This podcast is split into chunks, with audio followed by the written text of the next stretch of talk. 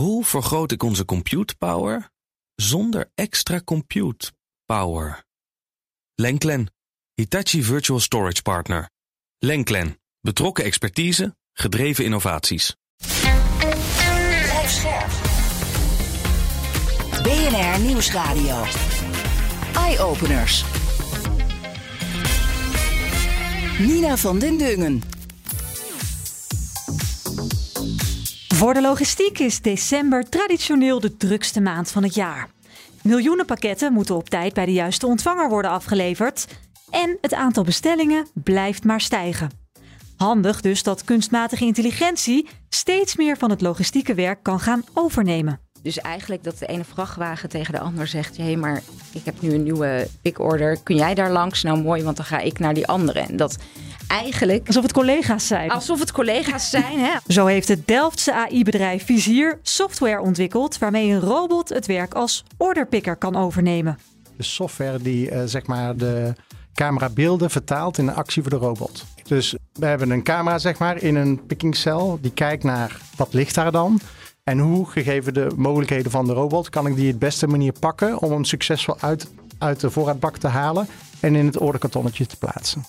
Wat de impact is van kunstmatige intelligentie op de logistiek, dat hoor je in deze aflevering. Bij mij te gast is Lisbeth Brugeman, programmamanager bij TKI Dynalog. Dat is het kenniscentrum voor de geavanceerde logistiek. De hoeveelheid data, de hoeveelheid factoren is zo groot en zo complex dat een systeem dat gewoon heel goed kan ondersteunen.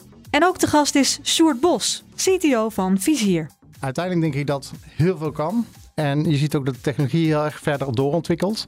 Mijn naam is Nina van den Dungen. Welkom bij BNR Eye Openers. Lisbeth, AI is natuurlijk al een hele tijd aan het groeien. Maar hoe groot is de rol van AI nu in de logistiek in Nederland? Ik denk al heel erg groot, ook al heel erg ongemerkt wordt het al heel veel toegepast. Natuurlijk gebruiken wij dat als consument ook hè, in onze, onze route. Uh, planning bijvoorbeeld als Google we zelf, Maps, dat soort dingen. Google Maps als we zelf of als we onze telefoon aansturen met, on, met onze stem. Dat soort toepassingen zie je natuurlijk ook in de logistiek. En verder varieert het echt van autonome voertuigen, uh, uh, haventoepassingen tot ook planningssystemen voor uh, logistieke routering okay. en robots. Laten we ze even een beetje langslopen. Um, er kan van alles, maar maak het even beeldend voor me. Sowieso in, in wat voor warehouses praten we dan over? Want als ik denk aan logistiek, denk ik al heel gauw aan de, de enorme bedrijven, grote bedrijven, Nederlandse bedrijven zoals Bol, die natuurlijk gewoon al die miljoenen pakketjes ook deze maand moeten rondbrengen. Ja, daar, wordt, daar worden AI-toepassingen natuurlijk heel erg toegepast. Ook in um, uh, picksystemen, robots die de pakjes van de band pakken, uh, in de juiste, op de, weer op de juiste band zetten, dat ze weer in de juiste vrachtwagen gaan, uh, bijvoorbeeld. maar ook al een stukje achter de schermen van welk pakje moet waar naartoe en hoe kunnen we dat goed plannen, dat een, een vrachtwagen zeg maar een klein rondje moet rijden in plaats van kriskras door het land. Ja, en hoe werkt dat dan precies? Wat doet kunstmatige intelligentie dan? Kunstmatige intelligentie maakt eigenlijk gebruik van een heleboel data. Dat is dus input wat men nodig heeft van bestellingen in dit geval uh, bijvoorbeeld. Maar ook van locaties waar de uh, pakjes naartoe moeten. Ook tijdstippen. Hè. We kunnen tegenwoordig ook kiezen wanneer we het willen hebben zelfs. Mm-hmm. Um, en brengt al die data bij elkaar ook op basis van beschikbare uh, vrachtwagens bijvoorbeeld. Om die weer te bezorgen. En maakt bijvoorbeeld een goede planning. maakt het systeem zodat de, de PIC-systemen in een warehouse uh, goed functioneren. Dus maakt eigenlijk de oplossing om dat allemaal aan te sturen. Ja. Is daar geen mens meer voor nodig die meekijkt bij dit soort planningssoftware? Jawel, zeker wel. Ik denk ook altijd dat een mens en een systeem moet samenwerken. Alleen de hoeveelheid data, de hoeveelheid factoren, ook de hoeveelheid actoren, hè, verschillende partijen die betrokken zijn in zo'n hele supply chain, is zo groot en zo complex dat een systeem dat gewoon heel goed kan ondersteunen. Wij als mens kunnen dat niet meer zo snel ook behappen. Nee. Dus een systeem kan daar een heel goede oplossing bieden. En een mens is altijd nog nodig om die laatste controle uit te, ja. uit te voeren. En sowieso voor het aantal pakketjes, dat, hè, dat groeit alleen maar. Dat, dat is niet meer te doen voor de hoeveelheid mensen die wij nog beschikbaar hebben voor dit werk. Nee, dat is ook inderdaad zo. Dus je moet de, de schaarse arbeidskrachten die je hebt, moet je ook heel goed inzetten. Ja. Sjoerd, is AI al voldoende volwassen om, om echt in de grote, belangrijke logistieke processen te worden ingezet? Uh, naar mijn mening zeer zeker. De vraag is meer even, uh, zijn onze bedrijven en organisaties al zover uh, om het op een goede manier toe te kunnen passen? En in jouw antwoord hoor ik nee. Nou, daar zit de grootste uitdaging. Je ziet een aantal partijen globaal die daar heel serieus en heel veel tijd en strategische focus op leggen. Welke bedrijven hebben het dan bijvoorbeeld over, zonder direct naam te noemen? Maar de, de grote zoals Bol, dat soort dingen? Ja, of de Amazons van deze wereld bijvoorbeeld, die zie je daar echt heel, heel veel strategische focus op leggen. En Ja. daar dus ook heel veel meters in maken. Eh, wat ze dan op dit moment dan ook naar verwachting een grote concurrentiepositie gaat geven ten opzichte van partijen die veel later instappen. Ja, want de kleine, jij zegt de kleinere eh, eh, MKB'ers, die hebben hier nog te weinig focus op. Of misschien Nou, gewoon geen hoeft- geld. Het hoeft niet zozeer MKB'ers te zijn. Het is ook, zeg maar, het zijn ook grote partijen die terughoudend zijn in, zeg maar, eigenlijk begint met een strategische visie aan te passen, zeg maar, op waar ze willen staan over een paar jaar. En dat betekent dat je daar nu al mee moet beginnen. Wil je over een paar jaar effectief kunnen toepassen in je organisatie. Ja, maar zie jij echt nog veel logistieke bedrijven die hier nog niet mee bezig zijn met het implementeren van AI in het bedrijfsproces? Heel beperkt. Een aantal zijn er heel beperkt mee. En- Dus ze en- zijn wel aan het rondkijken, maar... Maar hoe verklaar je dat dan? Ja, we hebben met alle soorten technologie natuurlijk eh, eh, mensen die dat, eh, de early adopters bij spreken, die dat snel al zien en ook de voordelen kunnen vertalen voor hun als organisatie. Mhm. Om daar concurrentievoordelen mee te doen. En de partijen die daar heel terughoudend in zijn en eigenlijk eerst de kat uit de boom kijken. Ja, Het nadeel, het heeft voor's en tegens, maar het nadeel is nou wel de. Er zijn zoveel nieuwe innovaties die nu bij elkaar komen. zoals blockchain, Internet of Things, het internet, cloud, AI. Er zijn zoveel verschillende zaken eh, die samen zeg maar zodanig eh, de, de, de business kunnen veranderen. ja. eh, dat je af moet vragen of het nu heel verstandig is om heel afwachtend te zijn. Ja, oké. Laten we dan eens even kijken naar jouw bedrijf, Vizier. Mhm. Ehm, je zei al, we maken cameratechnologie voor in robots. Sterker nog, jullie bedrijf begon ooit als een robotbouwbedrijf. Alleen de robot zelf, die maken jullie nu niet meer. Het gaat echt om die software die erin kan, toch? Ja, klopt. En wij maken geen camerasysteem voor alle duidelijkheid. Wij maken de software die eh, zeg maar de camerabeelden vertaalt in een actie voor de robot. Ja, dan moet je even uitleggen hoe dit dan werkt. Oké, dus, dus ehm, we hebben een camera zeg maar in een pickingcel die kijkt naar, naar de In een pickingcel, in een robot. In hè? een, in Ja. een, ja, in een, eh, dus niet alleen een robot, dus alles omheen, zeg maar, wat eraan vast zit. Een bandje om de spullen naartoe te bewegen, bandje om de spullen ervan af te bewegen. Bijvoorbeeld een, eh, een containertje of een, eh, een doosje, zeg maar, waar je bestelling in moet komen. Als dat is misschien voor de mensen het meest, eh, meest voor de hand liggende eh, voorbeeldje. Mhm. Ehm, en vervolgens wordt er een foto gemaakt, zeg maar, van, van een voorraadbak. Om te kijken van wat ligt er in die voorraadbak. En je kan je voorstellen, in de e-commerce kunnen dat miljoenen verschillende dingen zijn. Ja. En dat kunnen op een miljoenen manieren, verschillende manieren in die bak liggen, zeg maar, hè, qua voorbeeld. Dus, ehm, nou, Dus de- het is bijna kerst. Ik, ik koop een laptop. Laten we zeggen dat er een laptop ligt en die moet in een doosje. en die moet gepikt worden uit een voorraad van een aantal laptops. Eh, en die kunnen elke keer op een andere manier erin liggen. En de ene laptopdoos is weer anders dan de andere. Grootte verschilt, de Maar een zwaarte. parfumfles ziet er Ja. weer anders uit. En een teddybeer ook weer bij wijze van spreken. Dus voor die robot, als je die wil inzetten, zeg maar, om generiek om te kunnen gaan, te kunnen generaliseren. Met wat, er, wat die aantreft, zeg maar, helpt onze software om het camerabeeld te vertalen in wat ligt daar dan. En hoe, gegeven de mogelijkheden van de robot, kan ik die het beste manier pakken om hem succesvol uit, uit de voorraadbak te halen en in het orderkartonnetje te plaatsen. Ja, ja. En datzelfde doen we dan, alles wat je bestelt uiteindelijk wordt een pakje. En dat moet dan verscheept worden. Dus datzelfde doen we dan ook in de logistiek voor, bij wijze van spreken, alles voor alle postbedrijven en logistieke partijen. Maar hoe, hoe werkt dat dan? Want je zei we maken een foto van hetgene wat in het pakje moet of in het pakket moet worden geplaatst. Dus je moet weten hoe groot dat pakket is. Je moet weten hoe groot het product is. Hoe kun je dat meten en zien aan een foto? Op basis van eh, 3D-beeld kun je, eh, dus als je goed kan detecteren, dit is een apart doosje en dit is een apart doosje. Dus dat is fase 1, dat doe je met name met AI. Eh, en vervolgens kun je, als je dus weet waar iets ligt, zeg maar, en met 3D-beeld weet je dus ook precies de 3D-posities van elk beeldpunt die op van zo'n doosje waar die uit bestaat, Mhm. kun je berekenen precies, zeg maar, eh, waar dat je het beste kan pakken en hoe je het moet bewegen en plaatsen om het weer in een volgende onbekende omgeving te plaatsen. Zijn in dit geval een orderdoosje, want als je dus een aantal bestellingen doet, dan wil je niet zeg maar dat iets zwaars bovenop iets anders lichts eh plaatst en daarmee beschadigt. Dus ook met het plaatsen zeg maar moet je precies kijken, oké, dat is weer een onbekende situatie die eerst geanalyseerd moet worden en vervolgens als een soort Tetris zeg maar ingepast moet worden. Ja, precies. Tetris, ja. Maar en, en jullie software doet het allebei. Je kan het dus detecteren, hè, met een 3D-beeld een beeld van maken. En daarna kan de robot het pakken en het verplaatsen. Ja, dus we bekijken eerst van wat ligt er. En hoe ziet het eruit? Wat voor eigenschappen heeft het bijvoorbeeld? hè? wat voor vorm, wat voor materiaal? Dat soort zaken zijn allemaal dingen die relevant zijn om zeg maar te optimaliseren over hoe ga ik het pakken, maar ook hoe hard kan ik ermee accelereren zonder het te verliezen of te beschadigen. Mhm. Want dat scheelt allemaal weer tijd. Dus dat betekent dat je meer, die robot zeg maar meer kan handelen. Ja. Waarom hebben jullie die robot zelf afgezworen? Want daar begon het allemaal mee, dat Ja. jullie een hele robot bouwden. Nou, toen we 8,5 jaar geleden begonnen, toen heten we ook nog, eh, eh, hadden we ook een andere naam, Delft Robotics? Delft Robotics. En eh, toen was het meer, het, toen was de technologie al nog hè, wel aanwezig, maar nog redelijk nieuw. En toen was het meer als, oké, volgens mij moeten we al deze dingen bij elkaar kunnen brengen om dit soort eh, oplossingen te kunnen gaan bieden. Maar was er nog weinig focus als het eerste uitdaging om aan te tonen dat überhaupt dat het zou kunnen. Ja. Ehm gaandeweg hebben we wel gezien, eh, als kleiner bedrijf, jong bedrijf in Nederland, eh, gaan we het op de hardware niet het verschil maken. Natuurlijk, er zijn enorm grote bedrijven in. Die de hardware al hebben, maar niet de software. Ja, en die de hardware in volumes leveren aan heel veel partijen in de wereld. Dus wat we, zeker nadat we de Amazon Picking and Stowing Challenge wonnen, na een aantal jaren, hadden zoiets van oké, en de logistieke markt heeft heel veel volume en volume wat alleen maar toeneemt. Het is ook wat meer van hetzelfde bij wijze van spreken. Dus dat je dat op kan lossen, kun je op veel grotere schaal zeg maar, je oplossing neerzetten. Dat is natuurlijk voor ons ook commercieel interessant. Ehm, en de andere kant is, ehm, ja, waar we echt het verschil in maken, zeg maar, zijn, is onze kennis, zeg maar, hoe je zeg maar, met de AI het beste kan toepassen. Ja, Niet zozeer in de hardware. Er zijn allerlei partijen die al heel veel ervaring hebben met hoe je hardware en hoe je mechanisch aanpassingen maakt. Dus we hebben gezegd, we gaan ons daarop specialiseren. En we werken samen met partners, met integratoren, zeg maar, die juist heel erg eh, al mondiaal goede support kunnen leveren. Mhm. Mondiaal ook al, eh, zeg maar, allerlei mensen hebben rondlopen, zeg maar, die lokaal eventueel kunnen supporten.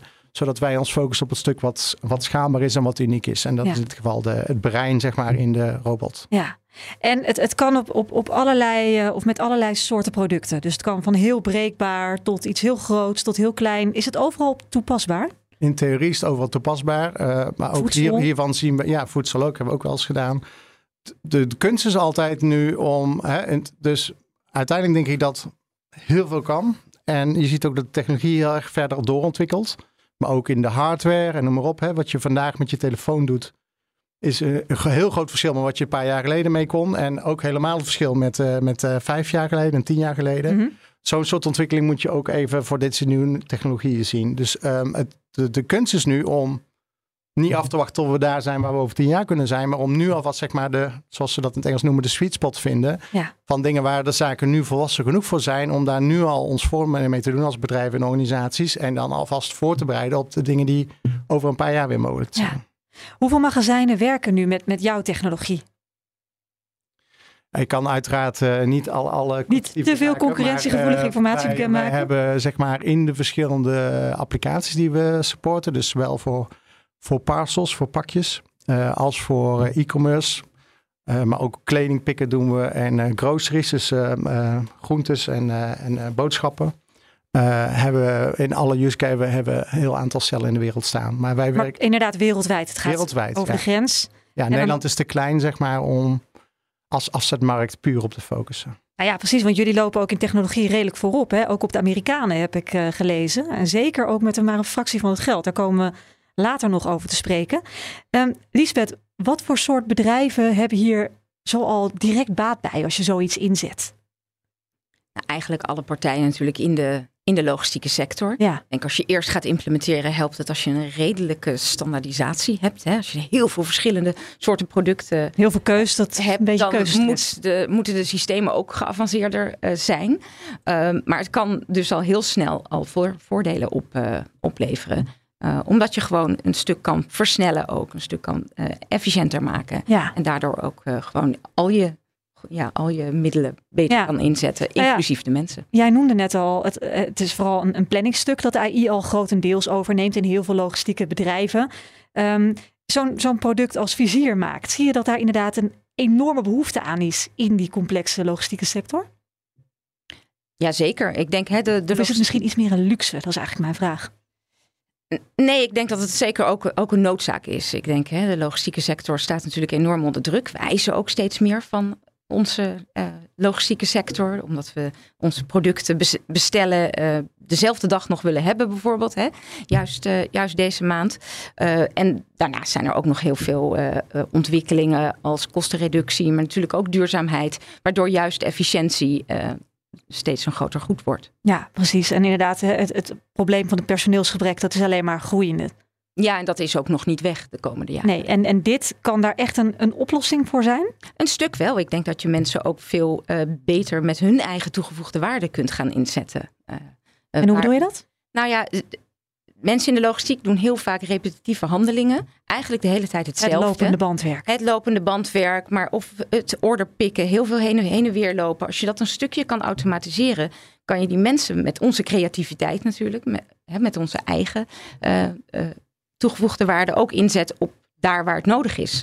En ja. daar waar juist de uitdaging ligt. Of daar waar juist ergens iets fout gaat of een, uh, een snelle verandering noodzakelijk ja. is. Ik kan me wel voorstellen dat jullie ook als kenniscentrum ook heel veel stuiten op uh, sowieso gebrek aan kennis uh, in de sector. Maar ook echt wel weerstand van mensen die ermee moeten gaan werken of wiens baan wordt overgenomen.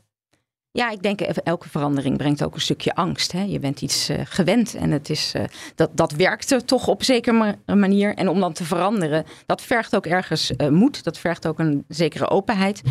daarom moet je mensen ook laten zien wat het wel kan helpen. En moet je ook je systemen daarop afstemmen. Je kan niet zomaar een black box gooien van nou ja, en geloof het nu maar, dit werkt gewoon nee, beter. Je kan niet de software van Vizier, Sjoerd zomaar ergens neerplempen en zeggen succes.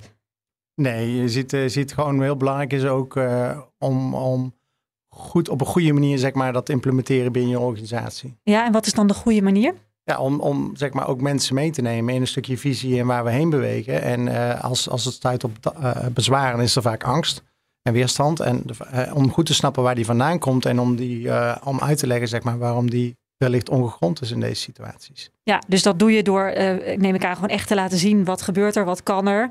Uh, is, is, wat, wat, wat zie jij dan bij de werknemers? Want ik neem aan dat die ook echt moeten gaan werken met het systeem. Ja. Wat zie jij daar gebeuren?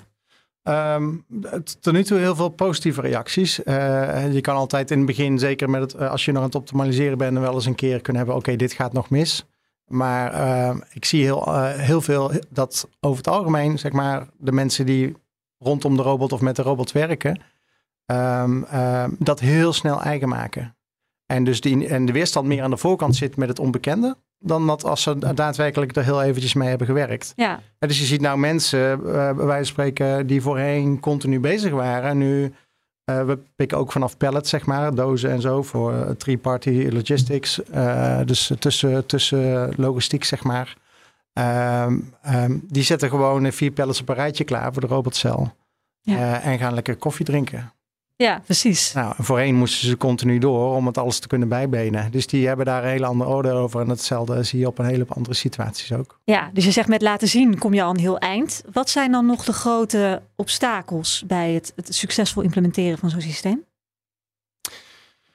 Um, nou, uh, sowieso het leren wat moet doen en het snappen, zeg maar, dat het met deze nieuwe technologieën er ook nog dingen zijn die we nog niet helemaal uh, weten vooraf. Specifiek voor een bedrijf, specifiek voor een locatie, specifiek voor de, branche.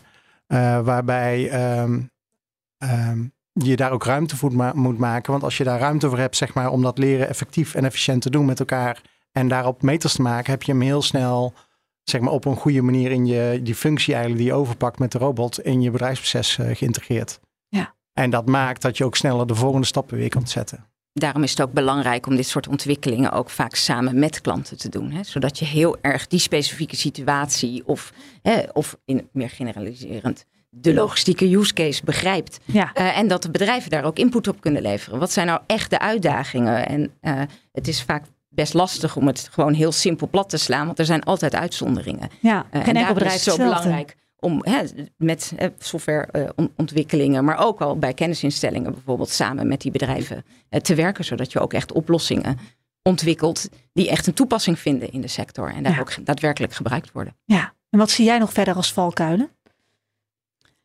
Um, er is heel veel. Ik denk dat dat het vooral is. Hè. Short noemde al even, er zijn ontzettend veel innovatieve ontwikkelingen nu. Alles dat aan elkaar knopen is gewoon een uitdaging. Daarvoor moet je data delen. Daarvoor moet je uh, op een goede manier met al die informatie omgaan.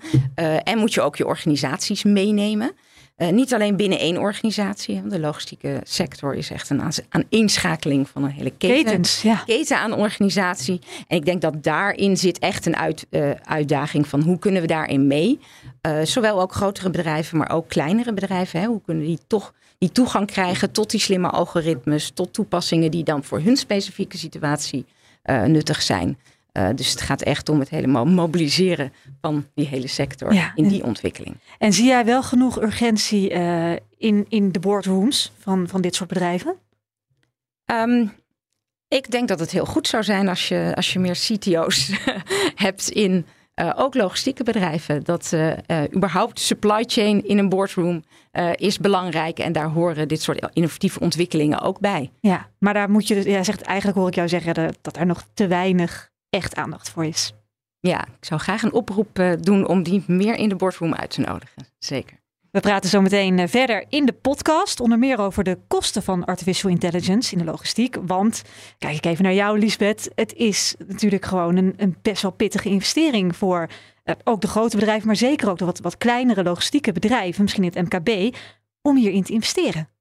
Dat is ook zeker zo. En de, ook tipje van de sluier? Wat, hebben veel uitdagingen waar ze nu in moeten investeren. En dan ga je toch prioriteiten stellen. En met name als je nog niet goed kan zien wat daadwerkelijk zo'n toepassing voor jouw bedrijf over drie tot vijf jaar kan betekenen, is het lastig om daar nu dan ook geld voor vrij te maken. Ja, want dan zie je eigenlijk eerst de rekening voordat je ziet wat het uiteindelijk op gaat leveren. Ja, zeker. Eye-openers. Nina van den Dungen.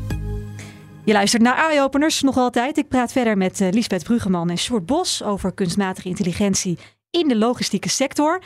Nou, we zouden het over de kosten gaan hebben. Sjoerd, wat kost het om de software van Vizier te kunnen gebruiken? Ja, dat, dat is heel erg verschillend per use case. Uh, dus, uh, dus, dus wat voor soort applicatie? We hebben uh, cellen waarin we zeg maar veel meerwaarde toevoegen. Omdat er uh, Twee man bespaard worden. Veel meer mensen bespaard worden. Of allerlei nachtdiensten bespaard worden. Of mensen bijvoorbeeld die vrachtwagens leeghalen. Noem maar op in de kou of in de zomer in de warmte. Dat is eigenlijk ook uh, steeds minder menselijk werk, zeg maar, wordt beschouwd. Ja. Uh, daar heeft natuurlijk ook ander, op andere vlakken veel meer toegevoegd. Behalve alleen de aantal mensen wat je bespaart. Weet ik nog steeds niet wat het kost. Ja, dat is er al. We zitten uh, wel in een beginnende markt hier, waarin we nog maar een paar concurrenten hebben. waarin we ook niet altijd op voorhand open zijn over specifiek wat we rekenen. Nee, Als nee. vuistregel kun je ongeveer denken aan, afhankelijk van de gebruiksperiode, 50.000 tot een ton uh, wat voor onze software nodig is, zeg maar, over, over een periode van 15 jaar. Klinkt als veel geld. Um, tegelijkertijd kan ik me voorstellen dat je dat er makkelijk uithaalt. Hè? Wat is de terugverdientijd? Ja, um, ik denk ook dat dat uh, veel sneller terugverdient wordt dan de mensen nu denken. Want het 50 tot 100.000 euro klinkt als heel veel geld. Maar je moet je voorstellen dat uh, als je een logistieke medewerker nu moet, eerst moet werven, zeg maar in de tekorten van de markt vervolgens moet trainen, opleiden. Die kan dan maximaal acht uur per dag werken. Een, een systeem kan 24-7 werken bijna. Ja. Uh, en vervolgens dan ook moet vasthouden in het werk wat eigenlijk helemaal niet fijn is voor mensen om, om repetitief tientallen jaren te blijven doen. Dus je gaat ergens, die persoon gaat ook nog uitstappen, zeg maar. En dan moet je weer opnieuw iemand gaan werven. Dat je die kosten er heel snel uit hebt. Maar geef jij ook een indicatie aan klanten van de terugverdientijd? Ja, van de, van de, voor, voor, de, voor zeg maar de oplossingen die we al in de markt hebben gezet, waar we inmiddels ook de ervaringen hebben. Uh, hoe performt dat over een langere periode? Uh, hoeveel onderhoud is er nodig? En uh, wat zijn eigenlijk de totale kost of ownership hier? En, en als je die dus afzet tegen de, de, de, de kosten in de traditionele wijze, die dan ook nog eens ten gunste aan het veranderen zijn met de grotere tekorten en het toenemende volume. Uh, maken we daar rekenmodellen voor en doen we daar voorspelling. Dat, dat, kan, dat kan eigenlijk sommige zijn al binnen, binnen een paar jaar helemaal terugverdiend. Sommige al binnen een paar jaar. Ja. En, en, en gemiddeld misschien eerder uh, een beetje zonnepanelenachtig, zeven jaar of zo. Nee, ik denk dat dat, dat dat veel eerder ligt. Echt al veel eerder. Ja, en dan moet je ook nog begrijpen dat we nu eigenlijk nu nog heel vroeg, qua timing vroeg in de markt zijn met het toepassen van dit soort technologieën, robots die met heel veel variatie om kunnen gaan. Dus uh, er staan er nog maar honderden in de hele wereld op dit moment. Uh, en we, als we onze berekeningen maken, heb je er straks honderdduizenden nodig. Ja. Uh, eigenlijk nu al om het huidige volume aan te kunnen. Dus dat betekent dat je straks zeg maar de economy of skill krijgt. Dus dat dingen, alle hardware, software, alle, alle volume-effecten gaan werken. Alle uh, leereffecten zijn inmiddels gedaan. Dus je kan veel efficiënter maken, implementeren en onderhouden dat die kosten ook drastisch eh, verder zullen dalen. Ik las dat jullie je software dus eigenlijk hebben ontwikkeld met een relatief heel klein budget. Zeker als je het vergelijkt met Amerikaanse spelers. Mhm. Hoe kan dat? Ja, hoe kan dat? Ik denk dat we uh, en er heel snel bij waren. Hè, wij zijn natuurlijk al 8,5 jaar geleden begonnen. Ook al focussen we niet alleen op de logistiek. Deden we allerlei soorten markten, allerlei soorten oplossingen. Ehm, we hebben daar wel heel, veel, heel snel al vroeg kunnen leren met een klein team. Uh, ik denk ook dat we gaandeweg een aantal goede keuzes hebben gemaakt. En daar speelt ook een beetje geluk bij, denk ik. Uh, waarin we geleerd hebben zeg maar, hoe we dit effectief kunnen oplossen. Mm. Uh, en um, je moet ook goed begrijpen dat een aantal van onze Amerikaanse collega's dat op het Amerikaanse model doen. Dus dat betekent eerst een hele hoop attention trekken, zeg maar. We gaan dit doen en we gaan erin stappen en noem maar op. En, en die gaan erop op. In Amerika is ook geld ophalen een stukje makkelijker en goedkoper. Uh, dus die gaan er inderdaad met honderden miljoenen tegelijk in. Uh, maar moeten uiteindelijk wel, hebben dezelfde technische uitdaging. Uh, dus die werken vaak met een model waarin ze eerst zeg maar, de belofte doen en vervolgens alsnog moeten waarmaken. En ja. wij hebben meer het Europese model gevolgd, waarin we heel lang hebben geïnvesteerd en dan steeds in kleine stukjes het team hebben uitgebreid om eerst zeg maar, het principe toe, te, te bewijzen. Ja, zeg bewijzen maar. dat het kan. En het verder uit te bouwen. En daarna, we hebben nu de uitdaging om het commercieel open te breken. Ja, dat is natuurlijk ook een uitdaging. Uh, Lisbeth, jij noemde allerlei uh, planningstools, hè, die dus veel gebruikt worden in de logistiek. Uh, je zegt dat wordt al heel veel gebruikt, maar ook daar is nog steeds veel winst te behalen voor heel veel logistieke bedrijven. In wat voor orde van grootte moeten we dan denken wat dat kost voor een gemiddeld logistiek bedrijf? Ja, dat, ik kan daar geen, geen bedrag op, uh, op plakken, omdat het heel erg verschilt. Het is ook heel erg afhankelijk van wat je al hebt draaien. Mm -hmm. Aan bijvoorbeeld een transportmanagement systeem uh, kan je daar wat aan toevoegen, uh, bijvoorbeeld. In maar Sjoerd had een vrij wijde range, hè, tussen de 50.000 en de 100.000. Heb je enig idee van een, een, indicatie van in wat voor range moet je dan denken als MKB'er? Je hebt, je hebt nog niks, je hebt nog niks qua AI draaien? Nee, want dan, dan ga je eigenlijk in gesprek met je planningsleverancier van wat kunnen we nog meer, uh, nog meer toevoegen. Dus ja. het hangt ook af van hoeveel uh, planners heb je, hoe, wat, wat voor grote operatie heb je. Uh, heb je alleen maar een hele grote vloot met vrachtwagens of doe je ook bijvoorbeeld multimodaal, dan heb je weer extra uitdagingen. Ja, dus, dus maar het is dat... niet per se iets wat automatisch pas bij een ton begint. Van die, leg maar een ton op tafel, want daaronder kan je het wel shaken als je nog niks hebt. Nee, ik denk, dat het, ik denk dat het lager ligt. En dat is ook wel waar wij ook wel ons op richten. Van het moet wel ook uiteindelijk toegankelijk zijn voor ook MKB of voor een eerste stap ja. uh, binnen een bedrijf. Want het is toch, uh, toch een beetje dat je het op een gegeven moment moet bewijzen wat voor toegevoegde waarde het heeft. Ja. Uh, dus dat, dan gaat het juist om kleine oplossingen die een beetje plug and play zouden zijn. Hè, zodat een, een bedrijf ook makkelijk kan instappen zonder eerst de hele achterkant te moeten reorganiseren. Nee, precies. Uh, qua digitalisering bijvoorbeeld ja. ook in het bedrijf. Nou ja, Sjoerd had het eerder over hè, de early adapters die er dan snel bij zijn, maar dat je verder toch ook echt wel aarzeling ziet bij, bij veel mensen. Ik zat me ook af te vragen, kun je als MKB'er niet gewoon beter nog heel even wachten tot het wat goedkoper wordt en totdat wellicht ook weer de technologie weer een stukje beter is? Want dat is natuurlijk ook iedere paar jaar het geval, Liesbeth. Ja, het gaat, het gaat natuurlijk altijd. Volgend jaar is er weer wat uh, beters op de markt. Uh, de vraag is wel, uh, wanneer ben je te laat? Maar hoe, omdat je dan al omgevallen bent? Ja, omdat je gewoon personeel niet meer hebt? Ja, Of, of omdat je, je de, de kosten te hoog zijn bijvoorbeeld. Of omdat je vervolgens niet meer mee kan. Omdat je eigenlijk die eerste stap al hebt, hebt gemist en de boot al vertrokken is. Short? Ja, of, of dat je concurrenten inmiddels het tegen zulke scherpe prijzen en snelheden en uh, flexibiliteit kunnen aanbieden die je niet meer kan bijbenen. Nee. En dan, dan eigenlijk uh, ben je te laat om nog te gaan innoveren. Ja. Uh, dus even voor alle duidelijkheid, de prijzen die ik heb, wij mikken ons niet op het MKB. Hè. Wij mikken ons met name op de hele grote bedrijven. De grote spelers. Ja, ja. Die ook grote problemen hebben aangezien het volume van e-commerce en daarmee ook alle pakjes die we naar elkaar verzenden en de verwachtingen die we hebben erover. Ja.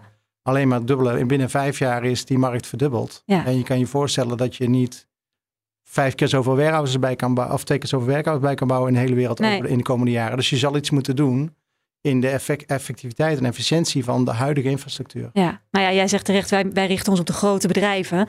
Maar dit speelt, hè, ditzelfde probleem speelt natuurlijk ook voor die kleinere logistieke bedrijven, want die kunnen ook worden weggevaagd. Uh, ja, als ze bepaalde technologieën niet, en dan misschien niet jouwe, nee, dat maar snap wel ik. andere dan heb je niet per se een robot nodig. Dan denk nee. je meer aan andere soorten uh, Die planningstools, dat ja. soort dingen, om efficiënter te kunnen werken.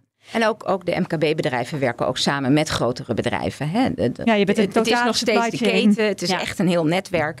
Uh, en soms helpt het ook om, om je aan die grotere bedrijven op te trekken. Of als dat een. Uh, als jij een klant of, of een leverancier bent van zo'n groter bedrijf, kan je ook met hen samen een innovatie uh, gaan ontwikkelen ja. en ook gaan toepassen. Ja. Sjoerd, bij het product wat, wat Vizier maakt, triggerde mij nog dat het geen zelflerend systeem is. Dat klopt. Ik als leek over kunstmatige intelligentie weet altijd, uiteindelijk wordt dat beter doordat je het blijft voeden met data en dat systeem zelflerend is en dus slimmer wordt. Mhm. Maar hier begrijp ik eigenlijk van jou dat je continu zelf moet bijschaven dat het systeem het, het, het goed blijft doen. Waarom kan het systeem dat zichzelf niet leren? Ja, dat, dat kan wel. Eh, daar heb je ook keuze in. Je hebt allerlei soorten AI-technieken. en, eh, maar het geldt nog steeds dat eh, de basis van AI is nog steeds dat hij een voorspelling kan maken op basis van data uit het verleden. Dus dat, dat, dat neurale netwerk, wat, wat er dan in zit, zeg maar, wat is de, AI? Dit zijn eigenlijk. Deep learning. Hm. De deep learning, hè, dat, eigenlijk zijn dat een zijn algoritmes, zeg maar, die uit hele complexe data kunnen een voorspelling kunnen maken wat de goede conclusie is. Ja.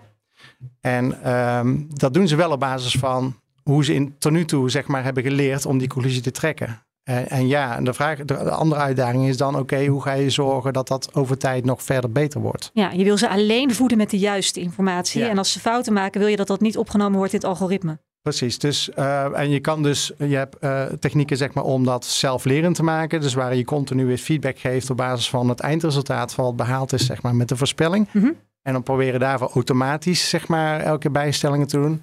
Uh, je kan het ook doen zoals wij dat doen, waarin we zeg maar dat supervise doen en we alleen gaan bijleren de dingen die we willen dat hij bijleert. Ja, ja zodat het algoritme niet Zodat we wordt. veel meer controle hebben. Ja. Uh, en um, ja, de vraag is ook even, als, als iets al, wij zitten in sommige systemen 99,9% al.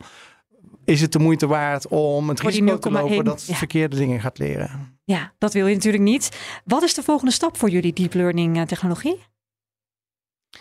Uh, als, als, uh, voor ons als vizier? Mhm. Um, wat je ziet, uh, nou, we hebben het gehad over het bijleren bijvoorbeeld, maar ook over het feit dat je in deze nieuwe omgevingen steeds meer beschikking krijgt over meer en meer data. Um, dus wat je ziet gebeuren, ook in de ontwikkelingen van de nieuwe AI, is dat je eigenlijk met veel meer data aan de gang kan. Uh, vaak zijn, uh, worden er al die generalisatie, wat eigenlijk de basis van het AI, zeg maar, is al voor aangeleerd in bepaalde nieuwe technieken, waardoor je eigenlijk al een basisniveau wat beter is. En de andere beweging die we zien is dat je veel sneller, zeg maar, op minder extra data, zeg maar, kan optimaliseren. En dat maakt natuurlijk dat je sneller kan uh, aanpassen aan een nieuwe situatie. Ja. Lisbeth, wat zie jij aan, aan volgende stappen qua AI in de logistiek? Uh, met name de bredere toegankelijkheid eigenlijk van oplossingen. Maar, uh, Als, dan moet het ook goedkoper dus. Dan moet het goedkoper, dan moet het uh, meer gestandaardiseerd ook worden. Hè? Ja. En, en, maar dus ook gestandaardiseerd toepasbaar op. Dus die situatie die dat AI-systeem heeft aangeleerd, mm -hmm. moet ook wel zodanig generiek zijn dat je het weer op een ander bedrijf kan toepassen. Ja. Uh, en daarnaast ook uh, de hoeveelheid data. Uh, zowel vanuit binnen een bedrijf, hè, maar ook publieke data. Uh, eigenlijk zijn dat hè, intelligent die eigenlijk dan al gedurende de nacht overal kijken van nou, waar, waar is dat schip bijvoorbeeld? Wat gebeurt er met het weer?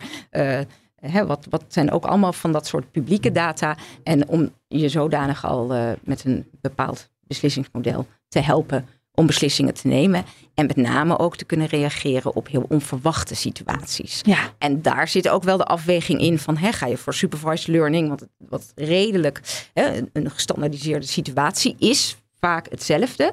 Dan kun je dat ook optimaliseren. Dan heb je ook niet zo'n heel erg uh, zelflerend systeem nodig. Uh, als je meer op reinforcement learning gaat, dan moet je, wil je ook uh, systemen hebben die echt kunnen reageren op onverwachte situaties. Ja. En die complexiteit ook kunnen meenemen. Ja. Tot slot voor jullie allebei de vraag. Um, waar jullie nou het meest naar uitkijken qua technologische ontwikkelingen, innovatie. Wat kan er nog niet, Sjoerd, waarvan jij denkt, ja, maar dat zou toch echt te gek zijn als dat wel kan? Uh, wat kan er niet? Ja, dat kan best wel een hele hoop ook nog niet. Wat misschien nou, misschien moeten we het simpel houden en zeggen dat de combinatie tussen al deze nieuwe technologieën, dan hebben we ook nog nanotechnologie, er zijn zoveel nieuwe ontwikkelingen en die volgen elkaar in een steeds rapper tempo op, dat we iets uitvinden om dat op een effectieve manier zeg maar, te ondersteunen om dat te combineren. Ja, en uh, maak dat eens concreet. Wat zou dat betekenen? Dat we zo meteen een compleet zelfdraaiend magazijn hebben of gaat het niet zover? Ik denk dat we nog mee gaan maken dat, uh, dat uh, de zogenaamde dark factories, bij wijze van spreken, waar de lampen niet eens meer aan hoeven en er alleen maar robots van binnen zijn, die gaan wij nog meemaken. Ja, echt waar? Ja. Wat, wat, wat, uh, wat verwacht je? 10 jaar, 20 jaar? Nee, ik denk dat de eerste er al binnen 10 jaar zullen zijn. Lisbeth, waar kijk jij naar uit qua technologische ontwikkeling? Ja, ik denk ook de combinatie van die technologieën en eigenlijk dat je in het hele logistieke systeem ook uh, onze assets die kunnen samenwerken. Dus eigenlijk dat de ene vrachtwagen tegen de ander zegt: hé, hey, maar ik heb nu een nieuwe, nieuwe uh, pickorder. Kun jij daar langs? Nou mooi, want dan ga ik naar die andere. En dat eigenlijk. Alsof het collega's zijn. Alsof het collega's zijn, hè? als een bijenzwerm zeggen wij altijd. Uh, kunnen samenwerken. En eigenlijk dat wij als consument weten van we bestellen ons pakje, maar het maakt niet uit of die nou linksom of rechtsom, of die nou via vrachtwagen of via uh, de boot bij ons komt. Want we kunnen uh, door juist die combinatie van die technologieën erop vertrouwen dat het op een hele efficiënte en effectieve wijze gebeurt.